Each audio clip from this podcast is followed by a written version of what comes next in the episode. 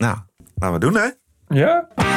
This is the TPO podcast. Warzone Nederland aan het nieuwe jaar begonnen.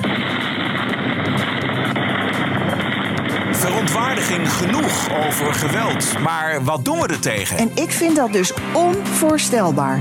Dit is zo'n hardnekkig probleem. Dit en meer in aflevering 522. Ranting and Reason. Bert Brusson, Roderick Phalo. This is the award winning TPO podcast.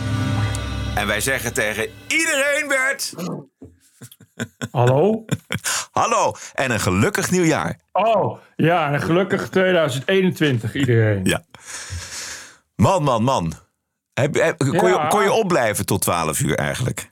Nee, ik sliep om 12 uur. Ik Ja, ja, doe nooit precies. een oudejaarsavond. Het is eh, kerst en oud en nieuw ontgaat mij altijd. Ja. Maar sowieso, eh, hier eh, is, is er helemaal niemand. Dus dan Nee. in de buurt. Dus het is ook niet dat je dan last hebt van vuurwerk of wat Nee, dan ook. nee. En jij kan wel uitkijken op de hoofdstad van het eiland. En daar gebeurt dan ook heel weinig. Weinig, een beetje, maar het is allemaal heel rustig. Ja. Nou ja, daarvoor ben je er ook gaan wonen natuurlijk. Juist. Hier was het totaal niet rustig. Het was vooral onrustig. Hoewel ook weer niet in het hele land, laten we wel wezen. Eh, wel op eh, te veel plaatsen. Ik was zelf in Maastricht dus, waar het water overigens eh, niet op- tot de kades kwam. Het was eh, laag water, lager dan ik had verwacht eigenlijk. De Maas viel erg mee. Maar dan rij je, als je naar Maastricht rijdt, dan kom je natuurlijk wel over de Rijn. En dan zie je wel hoe breed die Rijn is. Dat heb ik dan weer wel Ja, oké. Ja, Ja, hij dus- is wel, wel hoog, maar dat is vaker zo. Oud en nieuw eh, in Maastricht was heel erg gemoedelijk, zoals eh, Maastricht altijd gemoedelijk is. Maar in de rest van het land was het eh, toch weer het geweld tegen politieagenten en andere hulpverleners. Mensen met bivakmutsen zochten doelbewust de confrontatie met de politie. Agenten werden bekogeld met illegaal zwaar vuurwerk. Tientallen agenten raakten gewond liepen gehoorschade op. En 200 arrestaties. En de ieder jaar terugkerende verontwaardiging over zoveel geweld tegen hulpverleners. Ja, De vraag is: wanneer gaat de Tweede Kamer lijfstraffen invoeren voor geweld tegen hulpverleners? ja want ja, wat moet je er tegen doen? Ik Ja. hoor al 30 jaar.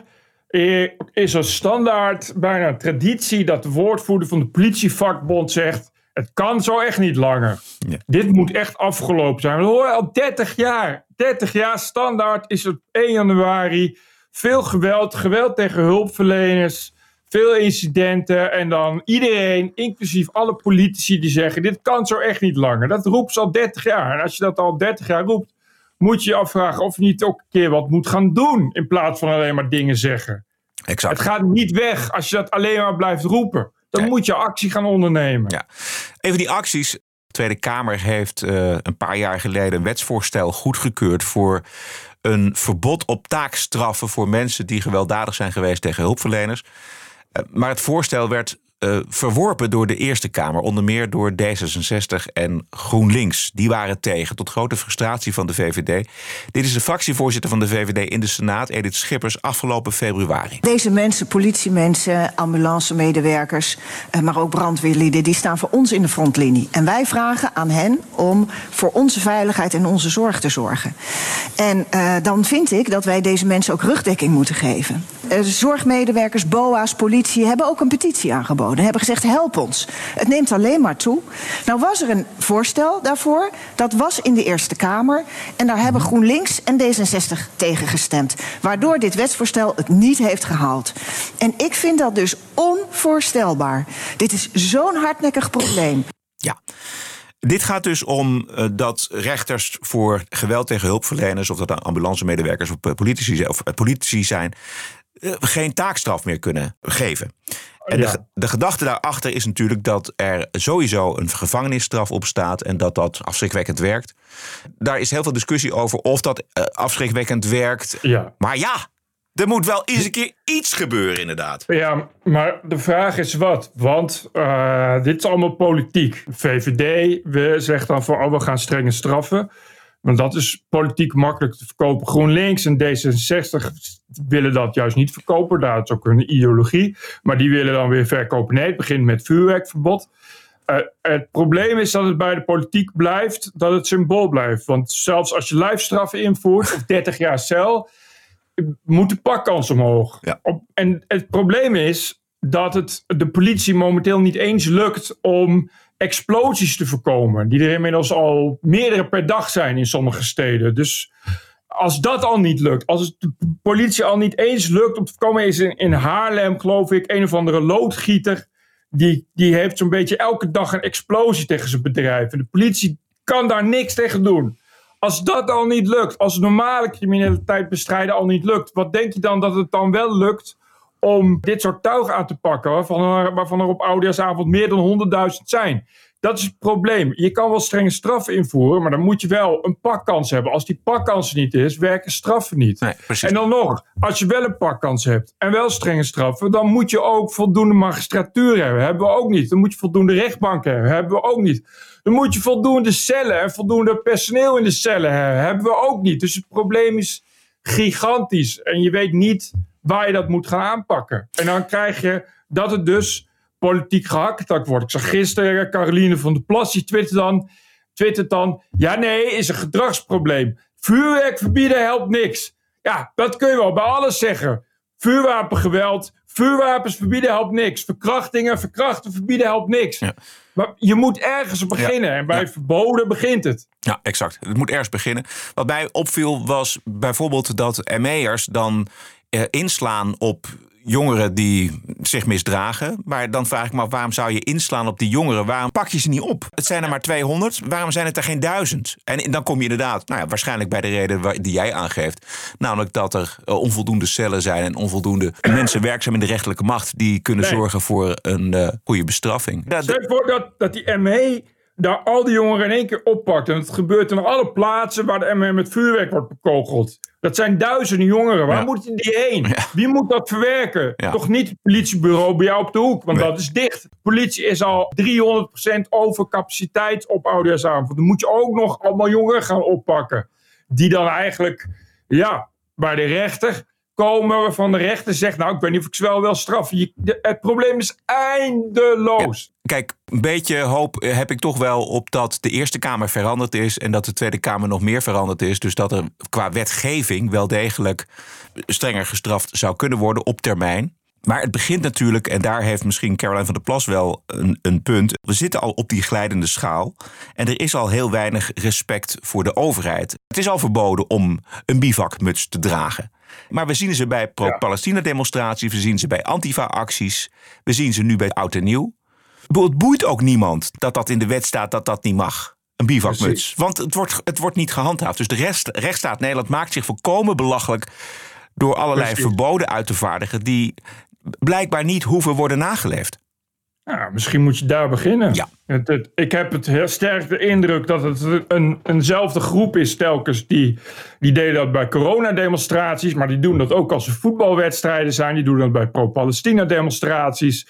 Er is een groep in Nederland die dat doet. Er is een groep in Nederland die eh, eh, bereid is een soort, soort low-fair burgeroorlog te plegen. Tegen vooral tegen, tegen politie en instanties. Gebivakmutst en wel een groep die niets te verliezen heeft. Nou, misschien moet je daar, daar beginnen met hard aanpakken. Moet je daar de AFVD in, in laten infiltre- infiltreren. En als je die mensen op straat ziet, moet je die inderdaad keihard aanpakken en in de gaten houden. Ja. Misschien moet je daar beginnen. Maar je, wederom, dan moet je wel capaciteit hebben. Dan moet je, dan moet je beginnen met meer politie. Eh, maar, maar, maar ook dat, als je heel veel politie hebt, hele strenge straffen, alles. Ook dat zit je met het probleem. Waar, hoe kan het dat die mentaliteit is ontstaan? Hoe kan het dat op oudejaarsavond mensen denken alles mag? Hoe kan het dat op oudejaarsavond Nederland verandert in een warzone? Waarin alles de hens in mag, waarin je politie kan bekogelen met zwaar vuurwerk, wat toch eigenlijk een soort aanslag plegen is. You name it, daar moet je mee beginnen. En nou, daar heb je nog misschien wel 30 jaar te gaan voordat je dat verandert. Maar dan moet je wel ondertussen, terwijl je daar eh, ondertussen alles aan doet om het bloeden te stelpen, moet je daar ook eens mee bezig. Want Ja, dat, ja. dat, dat gedrag is niet zomaar ontstaan. Nee. Hoe is dat ontstaan dan, denk jij? Dus dat is Ja, toch dat een vorm van degeneratie. Ik bedoel, dit, Ja, maar dat heeft ook te maken met dat als mensen het vertrouwen in de overheid kwijt zijn, dat ze ook het respect in de overheid kwijtraken. Dat ze ook precies. het eh, respect voor het gezag kwijtraken. Ja. Eh, enerzijds, anderzijds, ja, het zijn natuurlijk specifieke groepen die überhaupt geen, geen gezag accepteren. Daar heb je eh, ander gezag voor nodig. Dus misschien is het een idee, ik noem maar wat, om bij Oudejaarsavond speciale eh, eenheden in te zetten. om dat soort dingen in banen te houden. Ik weet het niet. Ik ben geen expert, daar, maar dat is dus precies het punt. Dat je daar eens over moet gaan hebben. Van wat is er eigenlijk aan de hand in Nederland? Dat van die 18 miljoen mensen er 500.000 zijn nou, die bereid zijn een soort, soort burgeroorlogje te voeren. Ja. Waar is het dan misgegaan met die mensen en hoe kunnen we dat tackelen? Ja, deze discussie wordt ook gevoerd al jaren. En dan wordt er gezegd: ja, maar we, moeten mensen opvoeden of duidelijk maken dat het niet kan. Wil die eindeloze acties om Ja. mensen bij te brengen dat je hulpverleners niet mag aanraken. Ik bedoel, dat is ook al zo oud als de weg naar Rome. En het speelt natuurlijk niet alleen tijdens oud en nieuw, maar er zijn voldoende incidenten door het hele jaar heen. Waarin Precies. ambulance, eh, ambulancepersoneel mensen proberen te reanimeren op straat. en dan gewoon worden aangevallen door omstanders. De absurditeit. En dat speelt ook al zo ongelooflijk lang in Nederland. Maar twee dingen. Er wordt altijd gezegd: ja, in Nederland moet er ook gestraft worden. zodat het niet meer. zodat mensen ervan leren, et cetera. Nou, dat is allemaal mooi. Maar er is ook nog iets als dat je gewoon straft. omdat er gewoon een straf op staat. En of het werkt of niet, dat is een andere discussie. En uiteindelijk, als daar flinke straffen op staan, dan ja, denk ik dat er op een gegeven moment toch een lampje gaat branden. En dat duurt misschien een paar jaar. Dat mensen zeggen: ja, wacht even. eh, als ik dat ga doen, dan eh, riskeer ik mijn eh, baan, riskeer ik mijn toekomst. Dat klopt, daar ben ik ook helemaal voor. Maar dan moet je wel een pakkans hebben. Dus Ja. dan moet je beginnen met, met veel meer politie. Ja, precies. En de- maar dat is een probleem. En zelfs als je zegt: Oh, ik heb er 10.000 agenten bij op oudejaarsavond. Dan zegt de politie ja. Maar we hebben eh, eh, zoveel andere dingen die ook prioriteit hebben. En het moet allemaal worden verwerkt. Als je strenge straffen hebt die je niet kan uitvoeren. Dan ondermijn je wederom de Ja, rechtsstaat. ja. Dat is het probleem van Nederland. Dat we heel veel dreigen, maar niet uitvoeren. Ja. Nou, op het moment dat je als misdadiger weet... de pakkans is 1% of lager... of de uiteindelijke strafkans is 1% of lager... ja, dan is het berekenbaar. 99% eh, kans dat het, dat, het, dat het niet gebeurt. Tel uit je winst. Dan ga je dat doen als, als misdadiger. Daar ben je helemaal misdadiger voor. Ja, precies. Ja, en het is natuurlijk ook zo dat er veel minder gevangenissen in Nederland zijn. Ja. Hemelhoogjuichend waren we bij eh, de criminaliteitscijfers. Ieder jaar minder criminelen. En dus eh, kunnen we wel de Bijlmerbaaiers opdoeken en dat soort zaken. Weet je wel. Dus er is ook helemaal weinig capaciteit. Dus je moet beginnen, inderdaad, inderdaad beginnen met die capaciteit... voordat je de straffen strenger gaat maken. Meer politie, meer gevangenissen, eh, meer eh, rechters. Wat je telkens krijgt is dat politiek bedrijft vooral symboliek. Omdat het politiek is. Dus wat je krijgt is dat poli- politieke partijen gaan zeggen... Dus dit, ja, harde straffen. We gaan harde straffen. Maar daar heb je dus niks aan. Ja. En je moet dan veel verder terug. En dat gebeurt niet, want dat is een veel te groot heet hangijzer. Er zijn namelijk nog miljoen dingen in Nederland die ook niet goed gaan. En eh, straks is het weer 9 januari. En dan gaan eh, de politie weer aan het werk. En is iedereen weer vergeten dat op oudejaarsavond Nederland in een warzone verandert. En het probleem van media, omdat die nou eenmaal alleen maar bezig zijn met wat er op dit moment aan de hand is. Telegraaf schrijft alleen over Warzone Nederland op 1 en 2 en 3 januari. Daarna is de zoon van André Hazes weer, weer iets aan de hand.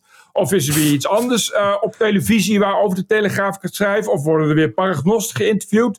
Hoe dan ook. Dan is het weer, dan is het weer verleden tijd. En hebben politici totaal geen behoefte om zich daarmee bezig te houden. Ja. En dan is Nou ja. het weer 15 december. En dan zeggen alle politici: Oh, vuurwerk, moeten we dat wel of niet verbieden? En dan krijgen we weer allerlei artikelen over het vuurwerkverbod. En dan is het weer 31 december. En dan op 1 januari komt er weer iemand van de politievakbond die zegt: Vreselijk, dit moet nu echt ophouden. En zo gaan we weer een jaar verder. Ja. Even ter verdediging van de Telegraaf. Als één krant wel schrijft over eh, criminaliteit en aanslagen en dergelijke, Ja, nee, eh, dan is het wel de Telegraaf. Maar ik begrijp wat je wil zeggen. Het nieuws is inderdaad eh, gerelateerd Ja, ja. aan dat moment zelf. Ja, we, mo- we moeten. moeten een heel jaar over schrijven. Weet Ja, je? ja, ja, zeker. Ja. We, we hebben een consequentere overheid nodig. En dat betekent dus ook dat als je bij Antifa-demonstraties en pro-Palestina-demonstraties mensen met een bivakmuts of onherkenbaar ziet, dat je die oppakt en dat die een straf krijgen. En desnoods een week de cel in, of twee weken, of drie weken, of een maand de cel in. Maar dit is een wet en dan moet je die wet handhaven. Simpel. Wat je zou moeten zeggen is: elke keer als er een aanval is op een hulpverlener, dan behandelen we dat met prioriteit. Alsof het een bloedige moord betreft. Ja. Dat, dat is wat je, wat je wil. Dan zegt de politie: ja, leuk. Maar we hebben dus ook bloedige moorden. Waar, waar we ook al niet, niet voldoende mogelijkheid en personeel voor hebben. het zou mooi zijn, eh, want er zijn natuurlijk gesprekken gaande over een nieuw kabinet. Dat het kabinet eh, deze oud en nieuw eventjes meeneemt ook. En het, en het probleem wat nu vandaag en morgen en overmorgen volgende week toch als eh, structureel probleem wordt gezien, eh, ook meenemen. En heel simpel, maar meer geld vrijmaken voor meer rechters, voor ehm, meer politie Juist. en meer eh, cellen.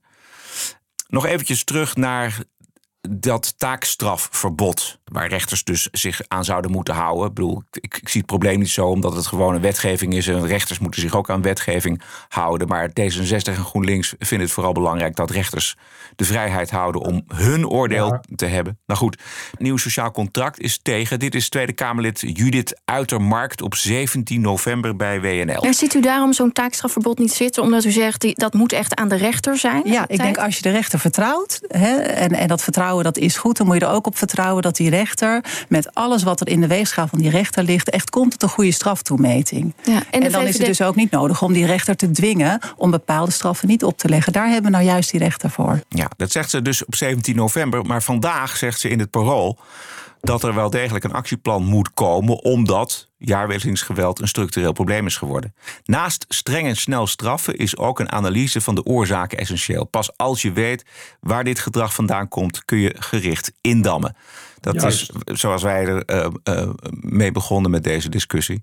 Maar goed, laten we hopen dat het niet alleen bij woorden blijft van politici. Want eh, dit is nu de kans om er daadwerkelijk iets aan te doen. En ook van een rechtskabinet is het de kans om duidelijk te maken dat het je serieus is. En dat je. Want iedereen baalt hiervan, Bert. Al, heel Nederland precies. baalt van dit gedrag. Ja, precies. Dus het is een uitgelezen kans, lijkt me, van Ja. rechts. om in elk geval te beginnen met, met die rechtsstaat en die rechtsstaatketen te versterken. Dat je dus ook een, ook een keer moet zeggen: laten we dit nou eens ook echt serieus langdurig op de agenda zetten.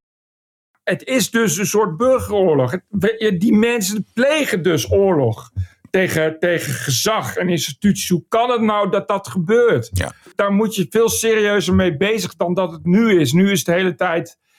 Ja, wat je zegt, is wel een bivakmutsverbod, maar dat handhaven we niet. Dan moet je dat wel handhaven en dan moet je dat serieus handhaven. En je moet er dan ook dat zien als, als een bedreiging voor die vrije democratie. En dan Ja. moet je er ook zo naar handelen. Voor de rechtsstaat zelfs.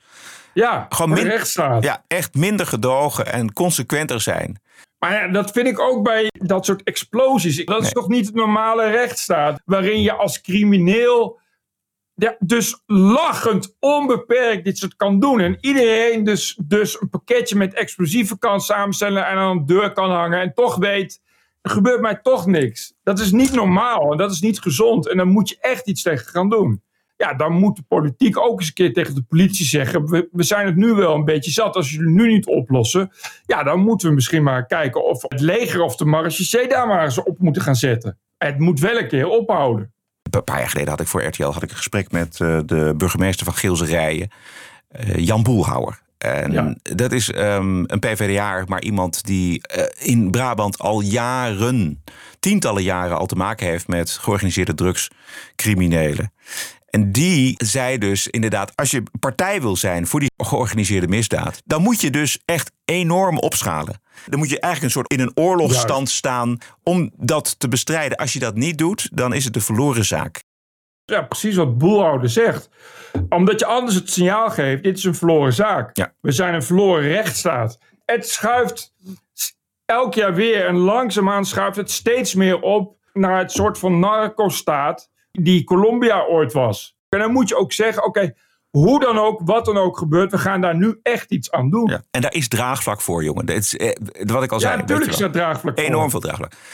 Dat interview met Jan Boelhouwer, het is gewoon puur actueel. Het speelt nog steeds. Eh, die kan dat vinden ja, op mijn website eh, roderikvelen.nl. En daar bij de interviews vind je dan Jan Boelhouwer. Dus Oh. voor, voor iedereen die dat nog even wil nakijken. Maar Ik goed, Bert. dat jij een website had. Ja, Roderickvelo.nl .nl. Ja, er staat alles. Maar zijn hele doopseel staat daar. Mooi, mooi, mooi, mooi. Ehm, maar dan heb je, los van de criminelen, heb je natuurlijk ook nog mensen die. Nou, wat ik al zei, ja, sorry hoor dat ik het zeg, maar het is toch echt een degeneratie van mensen die totaal geschift zijn. Midwolde, Groningen. Daar gaat dus iets de lucht in. Een verzameling vuurwerk, zwaar vuurwerk. Alles in één keer de lucht in. Tegen huizen aan. Vijf huizen hebben geen ramen meer. Althans, het glas is eruit. En de beelden die op de sociale media verschenen, dat is dan echt inderdaad een warzone. Nou, je hoort het. Het is mensen in paniek, natuurlijk. En je ziet ook filmpjes van mensen die flink vuurwerk afsteken. eh, wat ingeklemd ligt tussen jerrycans met benzine.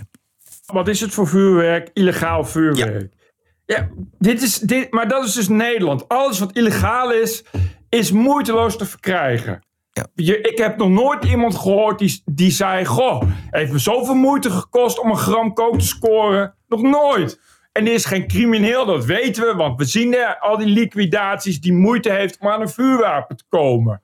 Maar we hebben wel de streekse vuurwapenwetten van, van heel Europa. Dus daar is dan toch iets scheef. Ja, exact. Nee, de prijs voor de samenleving van het gedogen is te hoog. Ja, Ja. Maar, ja ik, maar goed, dat is iets wat je niet zomaar kan oplossen. Je moet het dan ook dus bijvoorbeeld in, in Europees verband doen. Ja. Die vuurwapens komen ook ergens vandaan, meestal uit het Oostblok. Eh, als je dan eh, Roemenië en, eh, en Tsjechië of weet ik veel wat ook bij de Schengenzone haalt.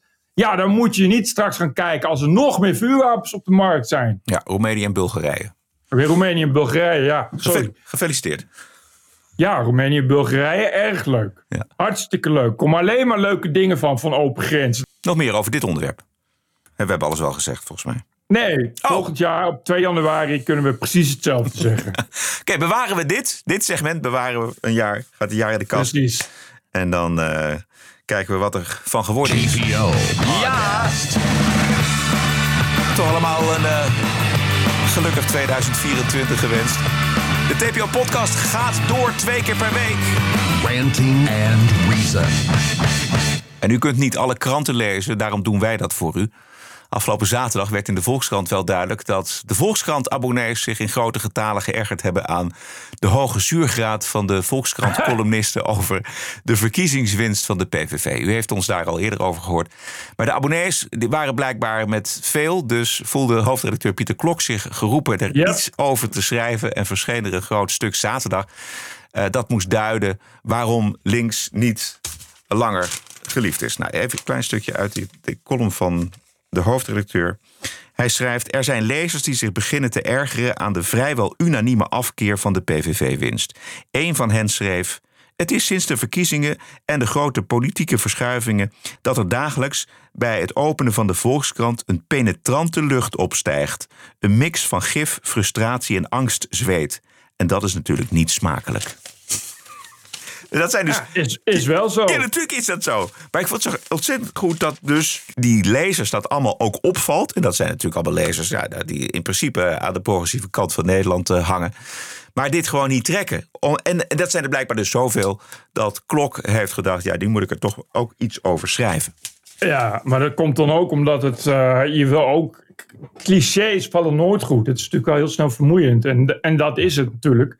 Je wil, kijk, bij, als je die krant leest eh, en je bent progressief, dan ben je het wel eh, ermee eens dat het heel erg is dat PV begonnen. Maar je wil ook elke dag verrast worden door die columnisten. Ja. En op een gegeven moment wordt het voorspelbaar. Ja, daar lees je die columns niet voor. Ja, exact. En dat, er was nog een, een, stuk over ho- hoe links de ideale zondebok werd. Och, och, och. Zuur, hypocriet, drammerig. Links lijkt onder het deel van de bevolking verworden tot scheldwoord. Maar waar komt die afkeer toch vandaan? Terwijl de politieke macht van progressieve partijen zo beperkt is. Als links werkelijk het bewustzijn zou bepalen, dan doen ze toch iets goed verkeerd. Oh, en die clichés die er in het artikel het is elke keer hetzelfde. Dan gaan we aan mensen vragen eh, en ze- tegen, tegen zeggen van... Oh, maar rechts is toch al heel lang aan de macht. Oh, de asielzoekers, dus het was toch eh, een plannetje van rechts. Want dan krijg je dat mensen zeggen... Ja, maar kijk, in Nederland hebben mensen toch het idee dat links heel veel bepaalt. Dus, dus in de media en de universiteiten kreeg je... Oh, en Leiden dan. En de rechtsfaculteit Leiden dan. En de economiefaculteit in Rotterdam dan. Je hoort daar altijd, altijd in hoe dichtgetikt die mensen zelf zijn. Die hebben dan werkelijk geen flauw idee wat er allemaal bij die mensen kan leven. Ja. En die zien ook, alles wat, wat links is, is de norm. En alles wat er buiten valt, en dat is dan rechts, is niet de norm. Dus die begrijpen niet dat het voor andere mensen helemaal omgekeerd kan zijn. Nou ja, ze gaan dan toch wel in het artikel komen ze ook uit bij Paul Slettenhaard. Hij is voor, eh, voor, vicevoorzitter van Klassiek Liberaal. Hij behoort tot de rechterflank van de. VVD, we maar zeggen. Ja.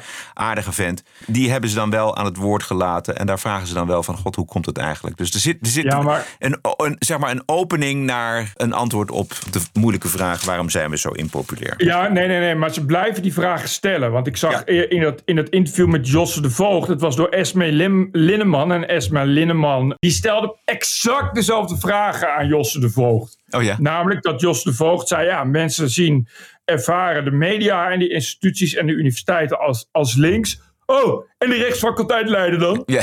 En, en, en Wakker Nederland dan? Weet je wel, alsof, alsof dan de NPO niet verder heel erg links is, want Wakker Nederland. En ze blijven die vraag maar stellen en daardoor weet je dat ze helemaal niet op zoek zijn naar antwoorden om daar zelf over te denken. Ze willen alleen eh, dat antwoord horen, zodat zij kunnen zeggen: nee, is niet zo. Ja, ja, nee, ja, is precies, niet ja. verkeerd. Ja. Terwijl, eh, dan denk ik, ja, weet je, eh, dat, dat vond ik echt het hele stuk uit Loes Rijmer. Moet toch daaruit blijken, is, is laten zien hoe stom die rechtse mensen zijn. Als ze het maar niet willen begrijpen. Bovendien stond er ook een heel stuk in, vol met passieve agressiviteit, over dat ze bij eh, vandaag in site allemaal van die vervelende, stomme vrouwengrapjes maken. En dat vindt Loes Rijmer stom. Nou ja, misschien dat er bewustzijn is dat waarom toch dat linkse gedachtegoed in Nederland zo passé is. En niet. Nou ja, ik, ik had een eh, abonnementje genomen op de correspondent. Maar ik moet zeggen dat me dat positief meevalt. Omdat je daar dus toch wel echt eh, schrijvers hebt die echt op zoek zijn naar antwoorden. Dus die ook echt. eh, Kijk, zo- zo'n Arjen van Velen bijvoorbeeld. Komt Ja. natuurlijk ook daar vandaan. En die is toch. Ja, gaat toch een beetje de richting van Josse de Voogd op. En ze hadden eh, van de week een overzicht van. Wat, eh, welke correspondenten zich waardoor hebben laten veranderen in 2023. En dan zie je toch veel mensen die inderdaad zeggen: ja, ik, ik, ik heb toch ook wel een ander inzicht gekregen in waarom mensen PVV stemmen. Want het correspondent is natuurlijk geen nogal links D66. Maar wel echt mensen die daar veel serieuzer dat gesprek aan gaan. En, en dat gesprek aangaan en daar ook echt naar luisteren en daar andere gedachten bij krijgen.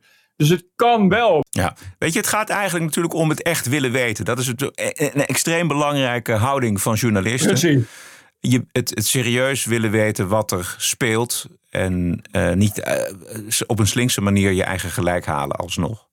En ja, maar dat is, dat is duidelijk. Dat je, dat je, dat je, ja, weet je, in dat artikel was duidelijk dat dat niet heel. Het was niet, niet echt nieuwsgierig. Het was, we gaan het vragen. Ook dat interview met Paul Sletta. Dan hebben we een interview, maar dan gaan we daar tussendoor gaan we allemaal dingen daarover schrijven. ja. Over hoe radicaal het eigenlijk is. Weet je, ja. Dan- maar dan is dus duidelijk dat je helemaal niet iets wil weten. Wat je wil is dat horen, zodat jij daarover kunt zeggen: Oh, zie je wel hoe stom ze zijn? Goed. Ja, ik heb nog een bonusquote. This is the TPO podcast. FVD Tweede Kamerlid Freek Jansen die gaat tijdelijk plaatsmaken in de fractie voor Pepijn van Houwelingen. Eh, oorspronkelijk de nummer 4, maar FVD kreeg maar drie zetels van de kiezer. Van Houwelingen die wordt gezien als de corona-expert. En Baudet koos de volgende woorden om de wissel in de fractie bekend te maken. En verdomd, we hebben gekregen wat we wilden. Wij hebben die parlementaire enquête gekregen. En dat heeft eigenlijk jullie tweeën tot een, tot een ja, heel, heel uniek besluit eh, gebracht, Freek. Jij gaat tijdelijk, tot de zomer ga je tijdelijk uit de Kamer om ruimte te maken voor Pepijn om die enquête namens FVD te gaan doen. Om die mensen gewoon helemaal gek te maken. Je gaat alles vragen, je gaat alles uitzoeken. Ik, ik wil ook een, eh, echt een apart iemand nog gaan aannemen. Echt een, een researcher voor jou. Die gewoon 24 uur per dag alleen maar daarmee bezig is. Want dit is onze kans en dit mogen we niet laten schieten. En jij gaat verder bouwen aan dat netwerk en aan de organisatie het komende half jaar. En daarna kom je natuurlijk gewoon weer terug. Want heel veel van jouw kamerwerk overigens, dat weet niet iedereen. Maar je bent een heel actief kamerlid, maar net even een andere manier dan weer andere Kamerleden. Want jij deed ook heel veel achter de schermen, heel veel netwerken, heel veel dingen klaarzetten. En dat blijf je natuurlijk ook gewoon doen. Dus het is, het is eigenlijk meer een, eh, een, een reshuffle dan echt een vertrek. Zo zie ik het absoluut niet. En je blijft ook eh, duizend procent betrokken natuurlijk. Duizend. Absoluut. Maar het is een bijzonder besluit. Ja. Ja, dat, is dat, dat kan alleen wij eh, zouden kunnen doen volgens mij. Ik wel. Heel, eh, Even een wissel. Ja. Er komt ook helemaal verder geen uitleg of wat dan ook. Maar dit zijn, hij heeft toch een hoop woorden nodig om deze wissel bekend te maken. Het mag overigens wel, dus verder geen enkel probleem. Schijnt. Het is wel heel opmerkelijk. Maar het is inderdaad heel, heel opmerkelijk. kan bijna niet anders. Dat gaat problemen opleveren. Want dan krijg je het over een half jaar van Houwelingen niet weer weg wil. En ondertussen is Freek Jansen ook weer allemaal dingen aan het doen die, die dan niet goed vallen. Dit is wel echt volgens mij. eh, ik weet het niet, dat voel ik gewoon zo aan. Maar het klinkt heel erg als van ruilen komt huilen. Het rationele argument is dat Van Houwelingen wel de man is die heel erg kritisch was eh, op dat coronabeleid. En dat, in dat heel goed in dat coronadossier zit. Dus ik kan me wel voorstellen dat FVD daar gebruik van wil maken. Hij was de man van de tribunalen. Voorzitter, de misdaden van voorzitter zijn inderdaad niet te vergelijken met de periode, omdat ze onvergelijkbaar zijn. Want ze zijn op een wereldwijde schaal, zoals we van de globalist van u kunnen verwachten. En u moet zich diep en diep schamen. En uw tijd komt nog wel, want er komen tribunalen. De heer Van Houwelingen, dat zijn allemaal dreigementen. Ik vind het er niet fraaier op worden. Ja, dit waren de dreigementen tegen Sjoerd Sjoerdsma van D66. Dus rationeel kan ik het begrijpen, maar het feit dat Baudet zoveel woorden nodig heeft en zoveel zalvende woorden nodig heeft om deze wissel in eigen gelederen te presenteren, vind ik opvallend. Ah ja, we gaan, we gaan het zien. Ja, we gaan het zien. Het, overigens is een parlementaire enquête nog niet hetzelfde als tribunalen. Nee, ja, tribunalen denk ik niet dat dat er eh, heel erg in zit. En dat is sowieso natuurlijk bij die enquête. Het probleem is dat die FVD echt letterlijk heilig geloven in dat er, hè, dat, dat, er, dat er allemaal kwade krachten achter zitten. En dat de vaccins gif zijn en dat er helemaal geen corona was en helemaal geen, eh, weet je. Je weet nu al dat er dus, ondanks die enquête, dat er verder heel weinig gaat uitkomen. Eh, en, en wat er gaat, er komt vast wat uit. komt vast uit dat eh, wat Hugo de Jonge deed had anders gemoeten, et cetera, et cetera. Maar niks in de spektakelvorm die eh, FVD daar heeft. Dus, Nee, dus nee. dat gaat, die uitkomst gaat sowieso een probleem worden voor FVD. Ja, het is niet de, het complot wat de firma FVD denkt dat het is. Nee, kijk, wat zij, wat zij doen is een onderzoek naar de bewering dat de maan van kaas is. En daar komt dan uit dat de maan niet van kaas is. Weet je, en tot, en, maar tot die tijd kun je daar natuurlijk. Kun je daar natuurlijk dit soort dingen mee doen en kun je daarmee bezig zijn. Maar dan blijkt dat de maan niet van kaas is, is dat natuurlijk ook weer een complot. Waar dan ook weer een onderzoek naar moet komen. En dat is het hele probleem van dit soort complotdenkers. Dat je daar natuurlijk nooit uitkomt. Exacto. Wij hebben straks, eh, eh, als de show voorbij is, hebben wij toch nog een toegift. Peter Bouwman van Geen Stijl, die heeft een eh, musical in de maak over de talkshow Sophie en Galit. Zij krijgen binnenkort het eh, tijdslot van op 1, zoals u weet. En daar is heel veel over te doen. Er is een musical in de maak en wij kunnen daar alvast de titelsong van laten horen. Dat zo, zo meteen. Helemaal aan het eind. Hadden we verder nog ehm, zaken, Bert? Eh, geen stel, eh, Bart Nijman is weg. Ja, ik vind dat persoonlijk jammer. Weet jij precies waarom? Eh, een soort van eh, eh, overspannen. Eh, en daar het lijkt toch een beetje chronisch te zijn. Hij wil ja, geen externe druk meer om, om daar weer beter van te worden. Ja. En verder, ja, hij doet het al heel lang en het, het heeft hem veel gekost. Veel, het was natuurlijk zwaar werk, omdat Ja. hij het is, een- of niet in zijn eentje, maar hij was daar eigenaar van. Ja. Dus als eigenaar ben je met heel veel niet leuke dingen bezig ook. En daar wil hij vanaf. Dus. We wensen Bart heel veel sterkte. ja. En eh, een heel goed eh, 2024. Geldt voor alle luisteraars van de TPO-podcast. Wij zijn er elke dinsdag en elke vrijdag online via je favoriete kanalen. Ook het nieuwe jaar 2024. Vergeet je niet te abonneren voor de Lange Vrijdagshow. tpopodcast.nl en dan kom je vanzelf op onze Petje Af pagina. En daar wijst de weg zich vanzelf. Beste begin van je weekend is de vrijdagshow van de TPO-podcast. Veel dank, stay cool. En tot vrijdag! TPO Podcast. Bert Bruson, Roderick Balo, Ranting and Reason. Right on, Kaylee. Right on. Spot on. Podcasting is the TPO podcast in the Netherlands. Bert and Roderick. What a show. I'm telling you. Naast de TPO-podcast op dinsdag zijn we er ook op vrijdag. Langer, uitgebreider en met leuke extra's, zoals de legendarische Wokweek. This cancel culture is gonna end. End. Dat is nou een goed begin van je weekend. Alle vrijdagshows erbij voor nog geen 4 euro per maand. En je ondersteunt ons. Reclamevrij en 100% onafhankelijke opheldering over het nieuws en de nieuwsmedia. Keep the show running. Word vrijdag abonnee en ga naar tpopodcast.nl. Let's do it. Je het gehoord? Ze komen uit de Republiek Amsterdam. We krijgen nieuw leiderschap. Daar komen ze! Met een stoet richting het Mediapark. Gedragen hoog boven het volk. Krijgen we eindelijk die leiders die weten wat wij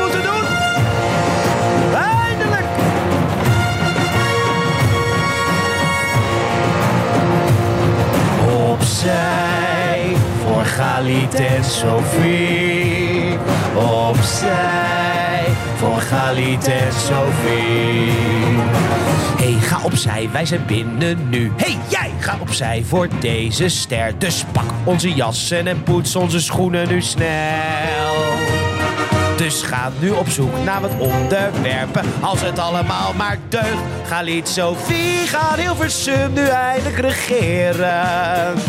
Ja, de grachtengordel is nu aan de macht. Wat een interessant verhaal over inclusieve taal. Wat krijgt het klimaat toch eigenlijk weinig aandacht? Galit ring aan 10 eindelijk verlaten. Ze gaan het volk leren wat deugen eigenlijk is. Elke dorpeling is racist. Elke journalist activist. Waar doen zij hun verhaal? Galit Sophie. Want zij weten dus hoe je moet denken. Elk slachtoffer doet zijn verhaal. We gaan de slavernij nog eens herdenken. Op wordt gestaakt en schoongemaakt. Zij hebben Wilders groot gemaakt. Galit Sophie maakt de NPO weer een linksbolwerk. Inclusief voor iedereen met hetzelfde verhaal. Wat heb jij moeten doorstaan? Sprak hij je net anders aan? Doe vooral je verhaal, Galit Sophie. Wij willen morgen de verpot opvliegen. Voor de armeren wel te verstaan. Curaçao zal geboekt, zal niet liegen. Maar regels gelden nou echt alleen voor jou zelf, voor iedereen behalve voor wie? Voor wie? Galit Sophie. Galit Sophie. Ga Hilversum nu eindelijk bestormen.